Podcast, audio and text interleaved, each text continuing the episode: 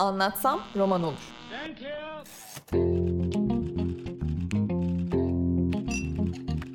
Bazı kültür sanat konuşmaları.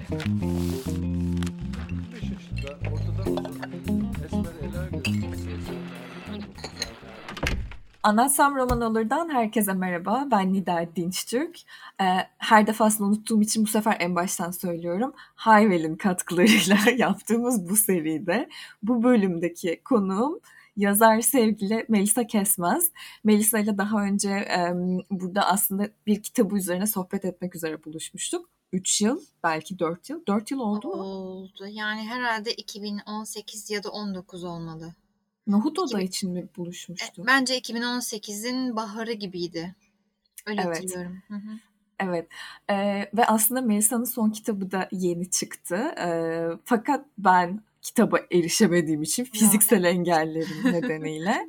Ee, evet o yüzden bir sohbet daha borcu var Melisa'nın bana. Ben kitabı okuyabildikten sonra. Fakat bugün aslında yazarlık psikolojisine ve Melisa Kesmez'in terapiyle ilgili fikirleri nelerdir, nasıl hisseder, neler düşünür? Bu başlıkları konuşmak için buluştuk bugün. Melisa tekrar hoş geldin. Merhaba, hoş bulduk Nida başladı bir sürü lak lak ettiğim gibi aslında böyle çok genel bir başlık gibi görünen ama ben üstüne düşünmeye başladığımda birçok alt başlık ve dal bulabildiğim bir mesele yazarlık psikolojisi. O yüzden biraz nereden başlayacağım konusunda da çok heyecanlıyım ve kafam karışık. böyle bazı notlar aldım aslında kendime. Fakat şöyle başlamak istiyorum sen yani senin yazarlık serüvenin nasıl başladı ve aslında e, tam olarak bir yazar olarak insanların karşısına çıkma kararı çünkü bunun aslında toplumsal bir baskı, psikolojik bir baskı Hı-hı. yarattığını da e, düşünüyorum ve gözlemliyorum. O kararı verme noktasını Hı-hı. konuşmak istiyorum Hı-hı. seninle başlangıçta. Ee, aslında yazmak benim hep hayatımda olan bir şeydi. Yani ilk e, yazma deneyimlerimden bugüne hep bir defterim oldu. Hatta ilkokulda bile e, böyle o günümü yazdığım bir defterim vardı. Dolayısıyla e, yani yazmanın bireysel tarafı bende hep vardı. Paylaşma fikri henüz yoktu tabii ki o zamanlarda. Ama sonra internet biraz daha hayatımıza girince e, ve kendi küçük odalarımızda da okura yani bu bir e, sosyal medya okuru da olabilir. İlla bir kitap okuru olmak zorunda değil. Ulaşmaya başladığımızda ve hani like aldığımızda ya da birileri okuduğunda bir şeyler bir tepki verdiğinde seyirciyi ve aslında o dışarıdaki insanı keşfediyorsun. Benim için de biraz öyle oldu açıkçası. Sanırım bir blog açtığımda ilk kez karşımda bir insan olduğunu hissettim. Yani ben uzay boşluğuna yazıyordum yazdığım şeyleri. Biraz kendi kendime notlar almak en küçüklüğümden beri hoşuma gidiyordu sanıyorum. Hayatımı artık kafamda e, yerli yerine koyuyordum tam emin değilim. E, ama biraz içsel bir şeyi dışarıya dökmek bana iyi geliyordu. Ama okurla o blog hatta birkaç tane blog, blog blogum vardı. Blogum mu hmm. denir, blogum mu denir? Tam emin değilim. Ben de Türkçe'de emin biraz garip oluyor bu İngilizce evet. kelimeler. Neyse öyle bir yer vardı, bir mecram vardı. Ee, ve orada hakikaten okurlar olmaya başladı. Sanırım ilk olarak o zaman nasıl diyeyim yazar tırnak içinde e, olduğumu fark ettim. E, o blog da daha sonra benim zaten ilk kitap dosyama dönüştü. Yani oradaki yazılar biraz daha kurmaca olmaya başladı aylar yıllar içerisinde. Birileri okuyup ya Meysa bunlar öykü aslında sen buraya böyle günlük gibi ya da bir jurnal gibi tutuyorsun ama biraz öykü, öyküye dönüyor bu iş falan. Öyle öyle hakikaten ben yazmaya başladım ve kendi hayatımı yazmaktan vazgeçip e, bayağı bildiğin e, kafamda dünyalar yaratıp olmayan insanları e, konuşturmaya, e, olmayan duyguları ya da bende yaşamayan duyguları e, birilerine yaşatıp onları yazmaya başladım. Sanırım hikaye birazcık böyle başladı. E, senin sorunun çok mu dışına çıktım acaba? Yo hayır hayır aslında bu yolculuk nasıl başladı ve hani o cesaret anı gibi tarif ediyorum ben. Hı hı. Ee, aslında şey gibi yazma dürtüsü gibi diye düşünüyorum. Aslında paylaşma dürtüsü de bir yerden sonra artık e, taşıyor sanki yani senden biraz da yani her yazarın kendi yazma tarzı var ya da yazabildiği şeyler, yazabildiği türler var diyeyim. Benimkisi hala hissettiğim o. Bugün son yazdığım kitaba gelen tepkilerden bile anladığım o. Böyle bir çember oluşturuyorum ben galiba yazarak. Yani bir kişisel gelişim kitabı yazarı değilim. Bir kurmaca yazarıyım. Ama insanlar e, okur daha doğrusu yakın arkadaşlarım hiç tanımadığım insanlar da bir şekilde o kitaplar o öyküler neyse son kitap öykü değil bir romancık onun çevresinde bir araya gelip e, kendilerini iyi hissetmeye ya da böyle duygu paylaşmaya falan başladılar. E, sanırım benim biraz da öyle bir alanım oluştu. Yani ben kendi duygularımla, kendi hayatımla e, çeşitli biçimlerde mücadele verirken, kendimi daha iyi hissetmeye çalışırken, bir yandan yazarken okur da aynı noktada o yazdığım şeyleri okurken benimle daha böyle duygusal bir yerden de bağ kurmaya e, başladı ve bu garip bir şey oluşturdu. Böyle hani bir odada buluşsak sarılıp ağlarız falan gibi Gerçekten öyle. Bazen böyle Zoom toplantılarına katılıyorum. Hani karşımızda ilk açılıyor toplantı. Merhaba yazar Melisa Kesmez işte okurları falan. Beş dakika sonra altın gününe dönüşüyor bütün toplantılar. Edebiyat falan hiç konu, konuşulmuyor. Tabii ki konuşuluyor ama daha böyle içsel bir e, diyaloğa dönüşüyor sohbetler. Tabii ki bu benim çok hoşuma gidiyor. Yani e, hani bir kanaat önderi değilim ama birilerinin düğmelerine basmak, sonra onlarla karşılıklı o duyguları konuşabilmek bende de çok işe yarıyor. E, sanıyorum onlarda da işe yarıyor. Biraz benim yazarlık maceram buna dönüştü. Yani başta bunun sinyalleri vardı ama herhalde karakterimle de ilgili bir şey. İnsanlar bana çok kolay açılıyorlar ve bir anda o samimi ilişki kurulu veriyor. Ee, herhalde biraz böyle gidecek bu hikaye. Yani e, hani bilmiyorum terapi gibi bir şey. Belki hani bu konuyla bağlantılı bir, bir yerden bir aslında, çengel atmak gerekirse. Aslında evet ben de onu söyleyecektim. Ama ondan önce hani senin de sadık okurlarından birisi olarak şöyle bir e, tespitim var ya da şöyle bir hissim var senin yazdıklarına dair. E, mutlaka insanlar empati kurabiliyorlar senin yazdıklarını okurken ya da sen onlarla zaten empati kurmuş oluyorsun ve kendilerini e, o hikayenin bir yerinde buluyorlar ya da bir eksik bir parça tamamlanıyor gibi hissediyorlar.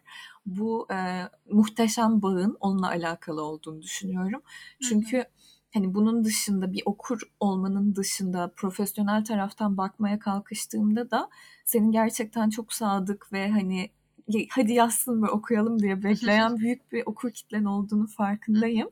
Ve evet tam olarak tarif ettiğim bu duygusal yerden bir bağ var. Biz birbirimizle hiç tanışmadan bir grup terapisi yapıyoruz gibi e, tarif edebilirim galiba kabaca. evet yani biraz da şey hani dönem itibariyle herkesin psikolojisi çok bozuk. Evet. Ee, ve e, herkesin bence bir terapiste ihtiyacı var. E, giden var, gidemeyen var ya da buna cesaret edemeyen var.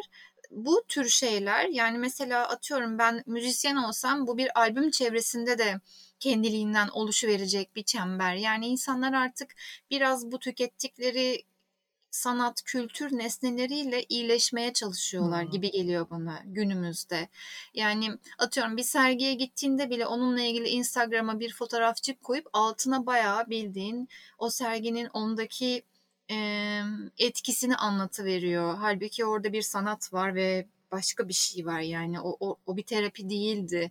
Bir sanat e, eserine baktık eve geldik. Ama her şey bir noktada o kendini iyileştirme çabasıyla birleşir oldu. Galiba iyi değiliz hiçbirimiz. Evet. E, her şeye tutunup böyle Allah'ım ne olur bu bana iyi gelsin diye gidiyoruz. Bir tiyatro oyununa da sanki o amaçla gidiyoruz ne bileyim yani bir kitabı da belki o amaçla okuyoruz. Biraz çaresizlikten galiba bu çemberler oluşu veriyor kendiliğinden. Evet ama neyse ki varlar ve hani ben şeyi çok kıymetli buluyorum.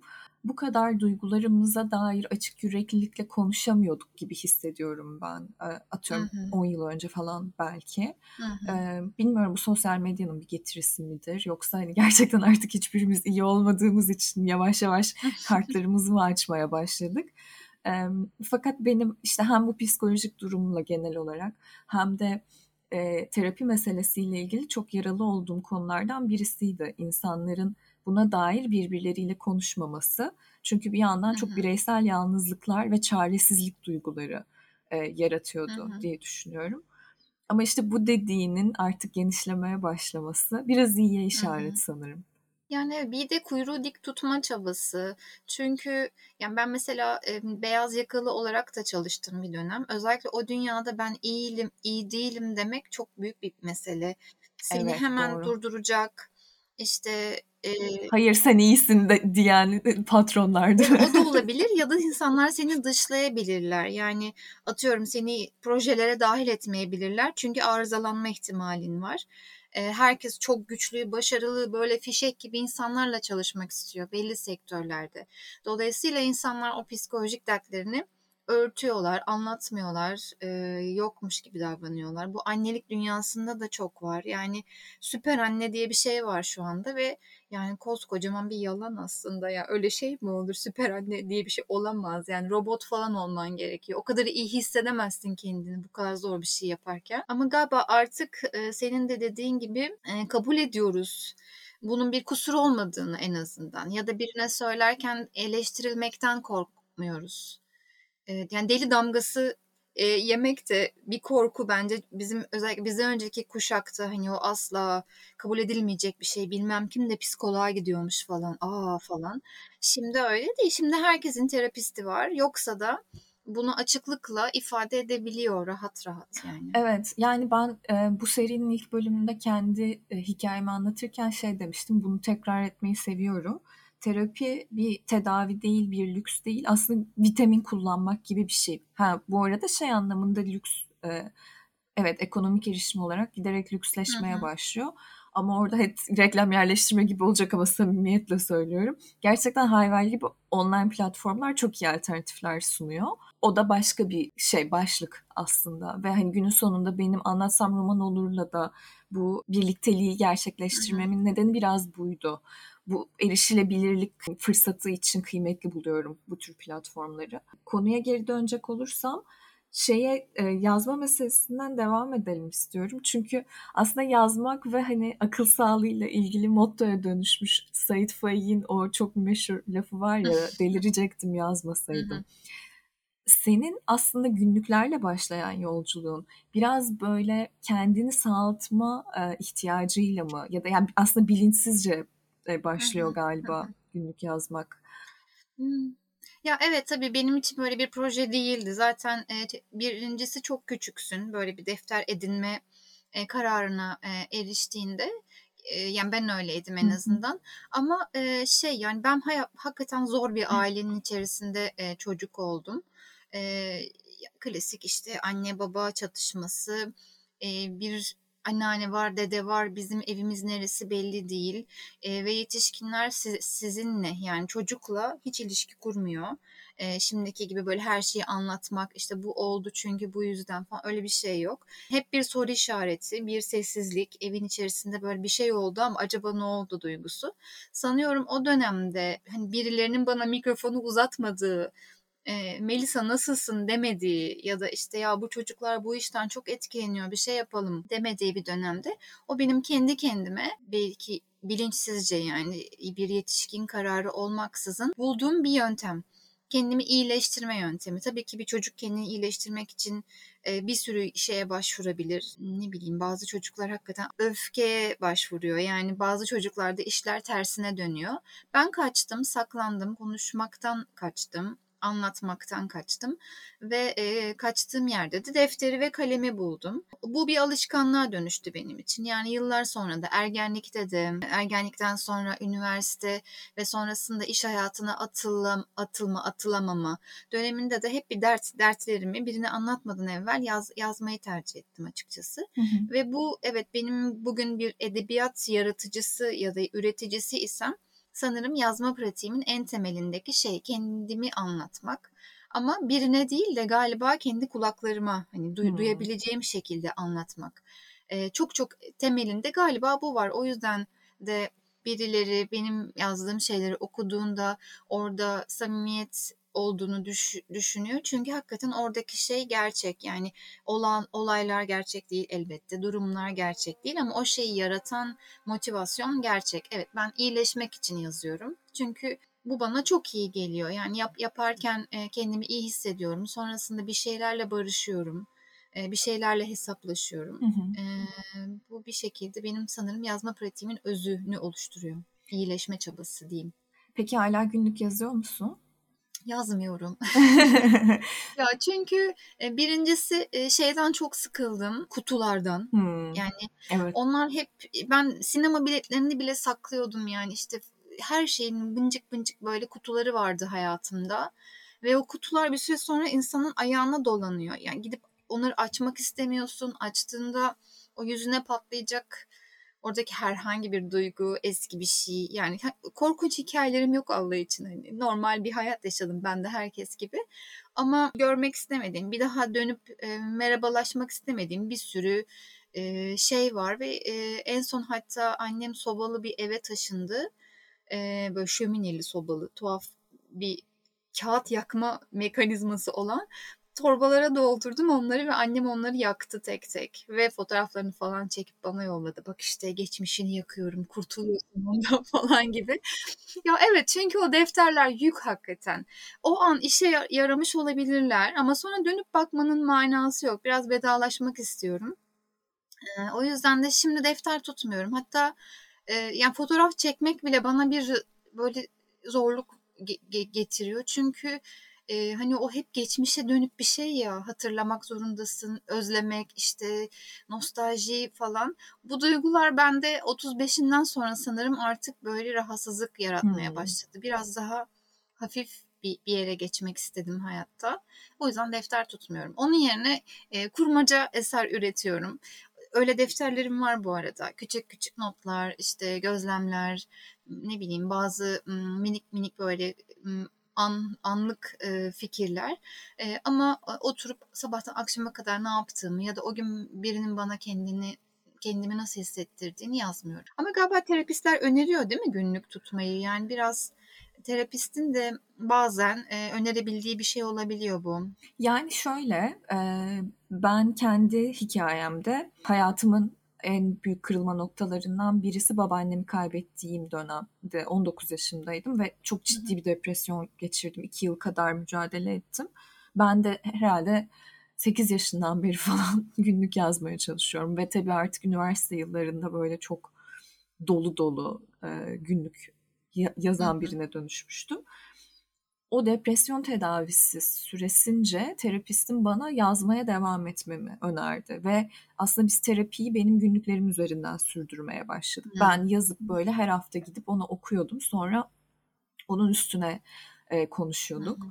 ve bana o kadar iyi geldi ki Melisa. Hmm. Yani o terapide e, öğrendiklerim herhalde beni bir 10 yıl falan götürdü. Gerçekten 30'larıma kadar öyle gelebildim. 30'da göç edince bütün sistem sıfırlandı. başa. Ama ya hala yazdığın, yazıyorum. Evet. Yani belki yazdığın şey bir bilir kişinin önünde duyuyor olmak yani birinin o sırada hakikaten elini tutuyor olması insana iyi gelebilir. Ee, yani çünkü diğer türlü kendince bir karanlık odanın içerisinde o duygularla boğuşuyorsun. Kimse yok. Belki o zaman ağır olabilirdi o defterlere geri dönmek, o yazdığın şeylere. Evet ama şu da oluyor yazma anında. Şimdi hani terapistlerin dışında şeyi çok görüyorum.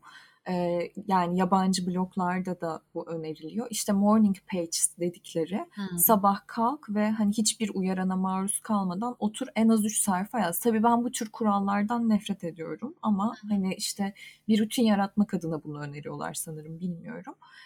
Ama bunun altında şunun olduğunu düşünüyorum ben. Yazarken biraz e, mesela hani içimde bir huzursuzluk var deriz ama yolunu bulamayız ya. Yazarken aslında onu anlıyorsun. Sen de biliyorsun o aydınlanma anını. Bu tür bence karşılaşmalara ve yüzleşmelere fırsat tanıdığı için öneriliyor olabilir diye düşünüyorum. Açıkçası ben de yakın çevremde böyle e, kendiyle ilgili bir duygunun içinden çıkamadığını gözlemlediğim bir arkadaşım olduğu zaman yani yaz diyorum. Saklamak Hı. zorunda değilsin, günlük olmak zorunda değil. Hı hı. Ama yaz hani o bir ağlamak gibi ya. Bana öyle evet. geliyor aslına bakarsan. Hı. Öyle bir, bir rahatlama. De karşıdan bakmak biraz da o şeye. Evet. Diğer türlü onun içindesin ve çok da insan o zaman böyle bir ne diyeyim net bir şey göremiyor ama belki yazıp baktığında daha mı kolay? Gerçi şeyi düşündüm sen konuşurken Instagram'da bir çeşit e, günlük ya. Doğru. Yani ben biraz orayı öyle kullanıyorum. Hı hı. Belki o benim günlüğüm olabilir. Yani hakikaten böyle arada bir kendi hayatımın içinde bir kareyi e, oraya koyup altına e, o günü ya da o günden önceki birkaç haftayı falan özetlediğim oluyor. Ve geri dönüp baktığımda da evet hakikaten kaç yıldır kullandığım bir mecra. Geriye dönük bir böyle bir e, nasıl diyeyim film şeridi işte bak şurada şu, şu tarihte şuradaymışız böyle düşünmüşüm sonra böyle olmuş falan. Belki bir yeni bir günlük biçimidir o benim için. Evet ben aslında defteri çok terk mantıklı. etmemiş olabilirim farkında olmadan. Evet form, form değiştirmiş sadece. Hı-hı. Çok Hı-hı. çok doğru. Bir de tabii orada aşağıda da bir yorum alanı olduğu için iyi bir his. Yani birileri okuyor, birileri bir şey yazıyor. Hakikaten ben e, şu şu açıdan çok şanslıyım. İnanılmaz iyi bir e, takipçi e, kitlem var. Hiç kimse beni kızdırmıyor orada. çok tatlıymış. İnsanlar çünkü şeyler hakikaten çok garip insanlar olabiliyor ya böyle geliyor saçma sapan bir laf ediyor. Sinirim bozuluyor. Tamam tanımıyorsun, önemsemek zorunda değilsin falan ama hani benim yazdığım o çoğu kez çok e, mahrem şeyler bile olabiliyor bazen. Kimse gelip orada kötü bir şey söylemek istemiyor ya da kibirli bir çıkış olmuyor. Genelde hakikaten orada biz böyle tatlı tatlı e, benim yazdığım şeyin üzerinden başka bir biçimde iletişim kuruyoruz. O da aslında açık günlük gibi bir şey belki de. Evet aslında öyle. Bunu soracaktım bu arada sen e, gelmişken. Ee, Benim biraz çenem düşebiliyor. Sen araya Aa, gir olur mu? Hayır olur mu? Onun için buradayız. cümleyi kapatamamak gibi kötü bir özelliğim var. Sonsuza kadar anlatacakmışım gibi geliyor Hayır, bazen. A- anlat vallahi biz dinleriz hiç problem değil. Şey soracaktım. Hani aslında bu toplumun önünde bir figür olarak var olduğun zaman bir o kadar da e, kötü eleştiriye, kötü yoruma da açık hale geliyorsun ya. Hı hı. Bu kısımda nasıl baş ediyorsun, nasıl göğüslüyorsun diye soracaktım. Sen hani biraz oraya değinmişken. Soruyu da soru vereyim dedim. Ya evet mesela Twitter'da oluyor da öyle şeyler. Çünkü Twitter biraz daha böyle nasıl diyeyim genelin e, herkes öyle değil ama genelin daha politik kullandığı bir yer ya. Hmm. Orada daha ciddiyiz sanki. Orası öyle bir şey dikte ediyor insana nedense. E, orada daha çok çatışabiliyoruz birileriyle. Yazdığım bir şey birisi böyle e, daha sert cevaplar verebiliyor. Twitter kullanıcısıyken ben hala açık hesabım ama hakikaten en son kaç yıl önce bir şey yazdım hatırlamıyorum. Orada biraz didişiyordum insanlarla e, ve ne bileyim bir cevap yapıştırasım geliyordu. Halbuki ya, o da zaten seni kurcalamak için uğraşıyor. Halbuki duymasan daha iyi, görmesen daha iyi. Ama Instagram'da daha böyle tatlı bir ortam var. Tabii ki benimkisi öyle. Yani herkesin hesabı başka işliyor sen nasıl bir orada resim çiziyorsan Hı-hı. insanlar da ona göre geliyorlar oraya galiba. Ee, ama e, dediğim gibi Instagram benim daha böyle dost dost ilerleyen bir e, mecram. Beni mutsuz eden birileri pek olmadı. Belki bir iki tane olmuştur ama o da böyle edebiyat üzerinden. Öyle şeyleri de zaten çok da duymak istemiyorum. Çünkü herkesin hoşlandığı eserler var. Herkesin okumaktan keyif aldığı yazarlar var. Kimse kimseyi çok sevmek, çok okumak zorunda değil. Bu bir tercih meselesi yani. Nasıl her müziği dinlemiyoruz? Her kitap da bize iyi gelmiyor. Ama onun dışında böyle kişisel bir beni daha zor bir yerden yaralayacak bir şeyle karşılaşmadım. Genelde bir şey dostane bir ilişkimiz var. Okur buluşması gibi yani hani imza günleri vesaire bir yerde bir araya geldiğimizde de nasıl tatlı tatlı diyalog kuruyorsak orada da biraz öyle ilerliyor. Ha, çok tatlıymış öyleyse. Hı hı. Peki şey soracağım bu aslında yazma ve hani biraz yazarak rahatlama meselesi üstünden devam edecek olursak kurgusal dünyada yazarken sen aslında şunu yapıyor musun ya da sonrasında şunu fark ediyor musun? Yarattığın hikayelerde ya da karakterlerde bazı duygularından kurtulduğunu ya da bazı öfkelerinden öc aldığını yani böyle bir fırsat yaratıyor mu e, bunu hiç fark ettin mi? Ya da özellikle yap, yapıyor musun? Yapıyor olabilirsin. Hep şey derler ya işte kendi yaşadıklarınızdan esinleniyor musunuz? Biraz onun gibi bir soru oldu. bir şeyde TÜYAP'ta yanlış hatırlamıyorsam bir e, erkek okur genç sanırım üniversiteliydi. Ya yani çok tat, çok sempatik bir şekilde gelip yazdıklarınızın yüzde kaçı sizsiniz?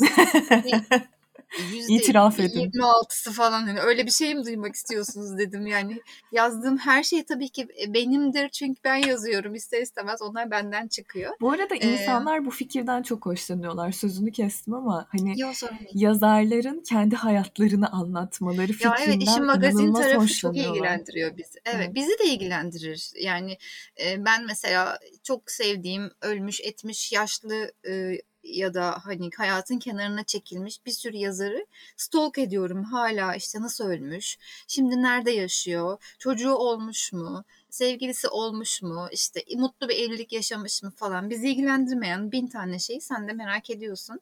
Onlar da tabii ki bir de karakterler e, yazdığım öyküler şimdi çoğunlukla şehirde geçiyor. Benim Hmm. hayatıma benzeyen olaylar olabiliyor falan ama tabii ki ben o kadar şey yaşamış olamam yani. Şu an hani Fransız Lapede falan olmam gerekirdi. Onca olayı yaşasam düşünsene bu kadar çok terk edilme, ki. Evet. o ölüyor, bu ölüyor falan böyle çok çok ağır şeyler var orada. Ama tabii ki duygular gerçek. Yani birisi atıyorum bir ilişki içerisinde yaşadığım bir acizlik duygusu ya da bir aile ortamı, anne baba ve çocuktan oluşan bir üçgenin içerisinde yaşadığım çaresizlik duygusu gibi şeylerle kesinlikle orada karşılaşıyorum ve e, bence hesaplaşıyorumdur. Bunu bilinçli yapmıyorum. Çünkü yazmak çok ım, insanın kontrol edemediği bir bir yer. Yani e, öyle çalışan yazarlar var ve çok hayranım onlara. Bir mühendis e, titizliğiyle planlayıp e, hakikaten böyle kusursuz eserler üretebiliyorlar. Murat Ee, Gülsoy sanırım ya o kişi. Ya Ben olabilir e, çok çok çok enteresan evet buluyorum onun müthiş yani. Bence bir bir edebiyat eseri bir roman özellikle öyle inşa edilmeli. Yoksa işin içinden çıkamazsın. Ee, ama benim ne yazık ki biraz daha böyle pataküte ilerliyor ya- yazma maceram. Sonrasında geri dönüp o toparlamalı bir, bir çalışma şeklim var. Dolayısıyla yazarken muhakkak o duygular e, benim yani aynı zihnin içinde olduğu için bir yerlerden fırlıyor ve ben onlarla bence e, bu şekilde kesin helalleşiyor olabilirim diye düşünüyorum. Tabii ki uydurduğum da çok şey var yani hiç yaşamadığım duyguları da e, bir şekilde orada yaşatıp empati kurarak belki biraz kurgulayarak bir şeyler de yazdığım çok oluyor. Ee, biraz terapi meselesinden konuşalım istiyorum. Hani Hı hı. yazmanın bu iyileştirici ve aslında insanı yeniden doğuran kısmından konuştuk ama sen hayatın boyunca herhangi bir noktada terapi aldın mı? Buna ihtiyaç duydun mu? Hı hı. E, almadım E, ama e, sanırım o şeyle ilgili bir şey. Yani bu bunun nasıl yapıldığını bilmediğim Hı için, hı. hani öyle bir ailemde de çevremde de böyle bir alışkanlık olmadığı için ve tabii ki öyle bir bütçem de olmadığı için e, bugüne kadar hiçbir te- hiçbir terapistle karşı karşıya kalmadım. Çok isterdim ama yani tabii ki bütün hayati olaylarımı oraya taşımak değil ama içinden çıkamadığım şeyler çok oldu. Onları orada çözmek kesinlikle daha az kanlı olurdu diye düşünüyorum. Şu an bile çok isterdim yani böyle haftada gideyim bir kere oturayım ve anlatayım birileri beni en azından duygulardan anlayan birisi beni dinlesin birazcık elimden tutsun. Ama galiba benim şansım şey oldu. Benim böyle çok arkadaşım var. Şimdi Hmm. insanlar seni yanlış da yönlendirebiliyorlar. Bu insanlar sonuçta psikoloji okumadılar. Ama yani bir noktada birbirimizin doktoru olduğumuz arkadaşlarım var ve onlar sayesinde galiba biraz biraz bu süreçleri atlatıyorum. Onlardan ayrı kaldığımda da genelde çok çok zorlanıyorum. Yani şimdi başka ülkelere giden çok var. İlişkiler çok zayıfladı. İster istemez artık o kadar da görüşemiyoruz. O zamanlarda böyle şey hissediyorum yani dünyada yapayalnız ve kimsesiz bir insanım. Nasıl geçeceğim bu tünellerden? Terapi keşke bedava olsa. Buradan Hayvel'e sesleniyoruz. Hayvel bize terapi evet. bedava. Ya tabii ki bedava olamaz çünkü ne bileyim Migros'a gidiyorsun pirinci bedava alabiliyor musun? Alamıyorsun. O da bir meslek ve o bir emek. Onun bir karşılığı olmak zorunda. Kimse bunu e, bedava yapmak zorunda değil. Olamaz da zaten. E, Hı hı. o da bir ticari durum yani.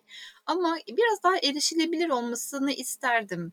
Özellikle daha ergenlik yıllarımızda Evet. hakikaten keşke gitsek ve Çünkü şimdi biraz olgunlaştık. Olaylara daha başka açılardan bakıp kaybolmadan biraz kayboluyoruz yani 3-4 gün kayboluyoruz. 5. gün tamam ya bu duygu böyle bir şey ben bunu daha önce yaşadım deyip bir farkındalık kazanabiliyoruz. 42 yaşındayım ve artık lütfen kazanayım bu farkındalığı. Ama ergenken düşünsene çok küçüksün binlerce hormon sağdan soldan saldırıyor. Annem baban zaten uzaylı seni asla anlamıyorlar.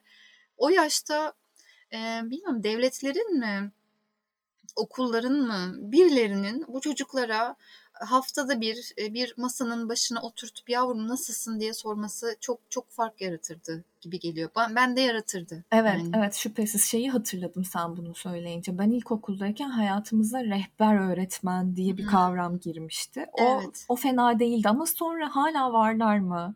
Ee, ya da her okulda aynı e, işlevle mi bulunuyorlar açıkçası. Bundan emin değilim çünkü. Onlar galiba biraz eğitim başarısı ile ilgililer. Bazıları öyle. Okulunda. Ha benim benim ilkokul deneyimimde de şeyi çok net hatırlıyorum. E, bu tam olarak senin bahsettiğin ihtiyaca da yanıt vermek üzere ama galiba kişiyle de ilgili e, bu. Ama evet yani sonuçta devletlerle ve hani mutlaka eğitim sistemiyle ilgili diye düşünüyorum. Ergenlikte e, bu Hı-hı. teması yakalamak ve kesinlikle kritik bir dönem bu arada. Evet. Yani belki özel okullarda vesaire vardır. Mutlaka. Ee, ama hani bilemiyorum. Keşke olsa. Yani çok çok çok güzel olurdu. Hakikaten çok çok fazla çocuk hmm, doğru şekilde ilişkilenmiyor annesiyle ve babasıyla. Yani anne baba ne kadar okumuş da olsa, ne kadar kendini yetiştirmiş de olsa, işte çağın ilerisinde de düşünebilse falan anne ve babanın çocuğun derdine derman olamadığı bir dönem var yani kesinlikle var. Ve o dönemde evin dışında bir yabancının, hı hı. konunun da uzmanı bir yabancının e, biraz şey olması gerekiyor bence. Konuya dahil olması gerekiyor. Keşke olsa yani ama işte olamıyor e, çoğu kez. Şu, evet çok ama bence şu an daha erişilebilir ya Melisa. Yani bizim çocukluğumuzla karşılaştırdığım zaman hem Hı-hı. en başta konuştuğumuz gibi terapi meselesi artık daha açık yüreklilikle dile Hı-hı. getirilebiliyor. Ha, birisi birisine bence senin buna ihtiyacın var Hı-hı. diyebiliyor ve karşı taraf onu ofansif algılamıyor. Bu çok önemli. Çünkü eskiden Hı-hı. ben deli miyim falan diye çıkışı verirdik ya vizyonsuz vizyonsuz. Evet. Ee, hem konuşulabilir durumda hem de yani biraz internetin de artık nimetleri gereği daha erişilebilir. Ee, biraz Hı. daha ekonomik olarak da alternatifli belki. O yüzden görece iyi ama hala bu konuda ne kadar açığız emin değilim. Yani hala terapiye gitmekte, e, terapi almakta. Bir önceki bölümde konuğum şey dedi. Erkekler hiç dedi terapi almayı düşünmüyorlar ve hiç buna e, gönüllü değiller mesela. Ben son olarak şey bir şey söylemek istiyor musun? Erkekler terapiye gitsin diye kapattı bölümü. evet. Hmm. Erkeklik çok sakat. Özellikle bizim gibi toplumlarda yani çok büyük sorunlar çözülürdü değil mi? Evet. Babanın ya da babaların düşünsene terapi aldığını.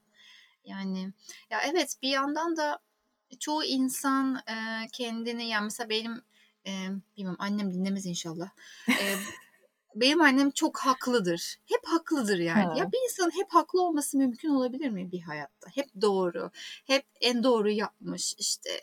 E, biz onun dediğini yapmadığımız için başımıza bunlar gelmiş hmm. falan. Yani halbuki çok isterdim annem gitsin bir terapistin karşısına otursun ama yok gitmez mümkün değil. Çünkü o kurduğu o sert o İngilizlerin konkret dediği şey var ya o yıkılsın ödü kopar yani. Çünkü o onunla yaşamış hayatı boyunca. E terapist ona çomak sokacak yani evet. sorular soracak ve o cevapları veremeyecek biliyor orada bir dert olduğunu ama o dertle yüzleşmeye razı değil. Yani çünkü çökecek yani bütün o kurduğu sistem çökecek. O sistemin çökmesini istemiyor yetişkinler. Erkekler özellikle.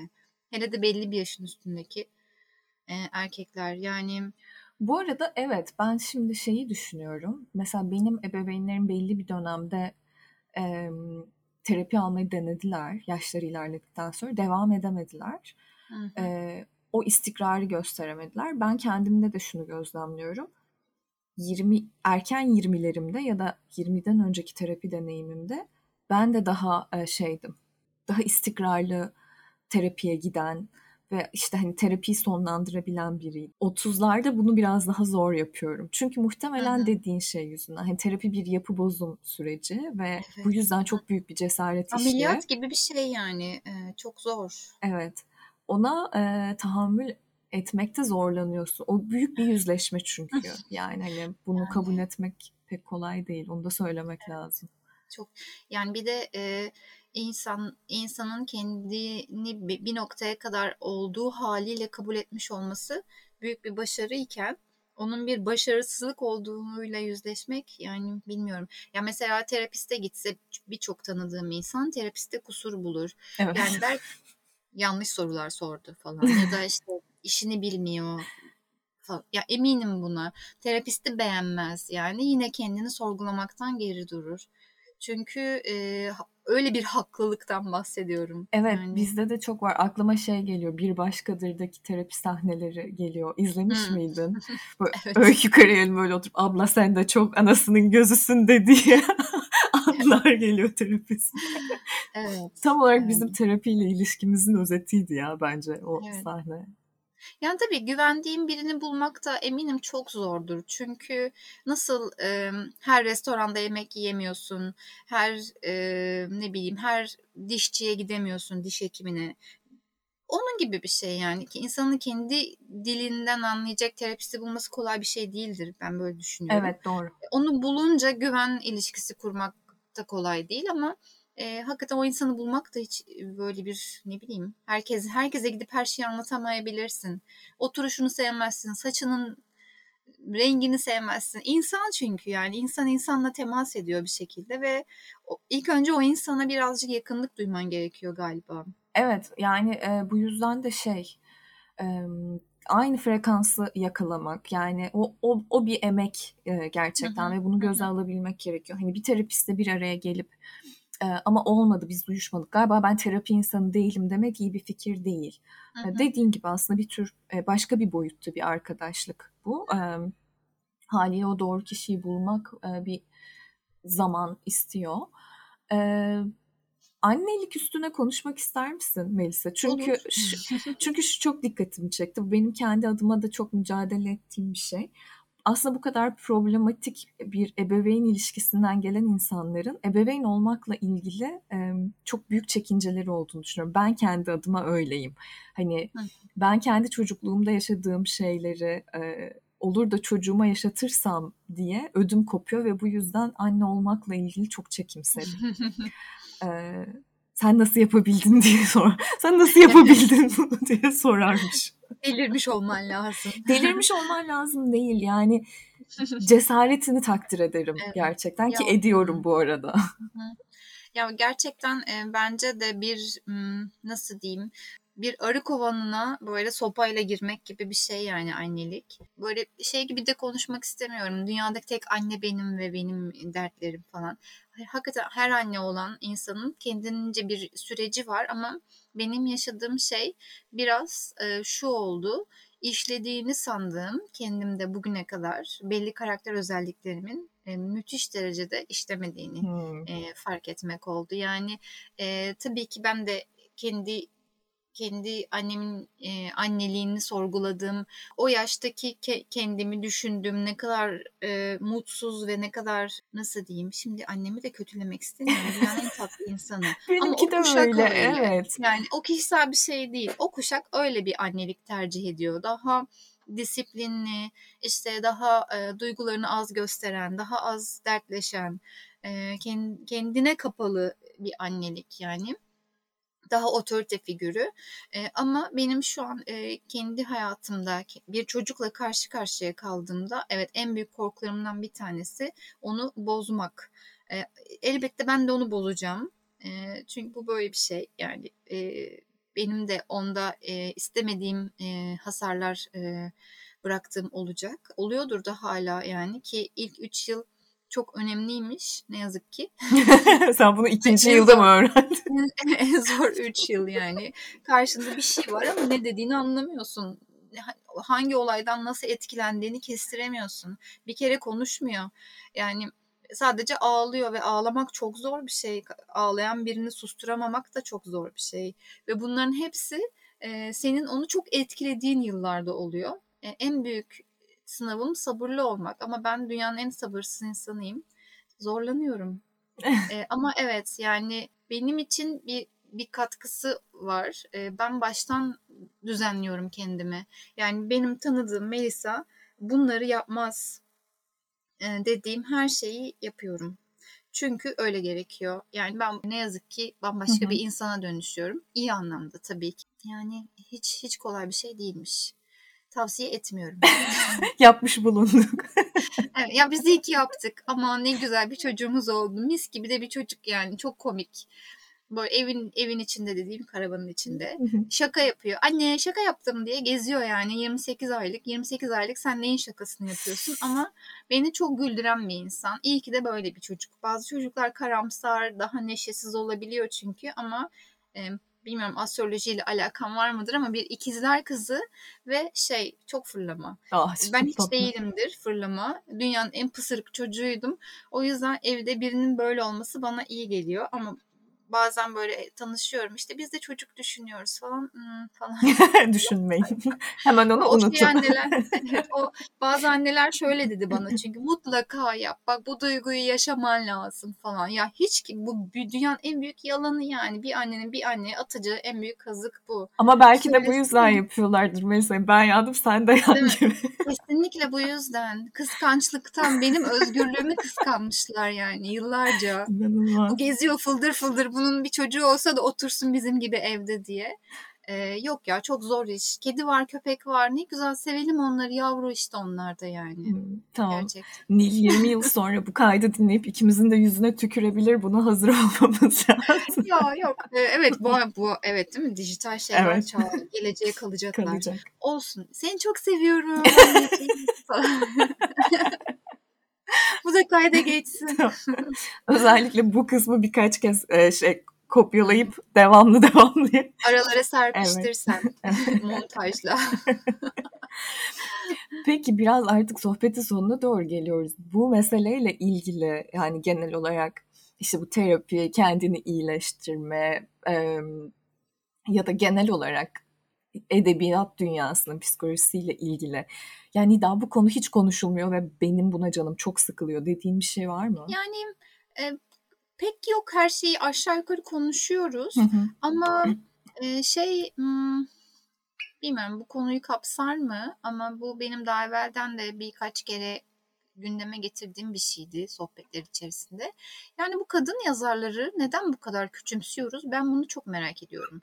Yani genel olarak psikoloji alanına girer mi bu? Ben bence girer. Yani okur bile sana böyle mahallenin e, komşunun kızı gibi yaklaşıyor ama bir erkek yazarla o ilişkiyi kurmuyor. Ondan daha çok çekiniyor. Hmm. E, işte ona o kadar kolay e, saygı çerçevesini biraz daha kolay mı daraltıyorlar kadın yazarlar? Yani evet bizim de çok hızlı lavabali oluyor okur hmm. ve çeşitli kurumlar. Hmm erkek yazarlardan biraz çekiniyorlar. Yani biz sanki böyle evde çocuk bakarken, yemek yaparken arada da iki tane öykü yazıp yayınlatıyoruz falan ama erkekler hayır onların çalışma odaları var ve oralara kapanıp çok büyük kitaplar yazıyorlar.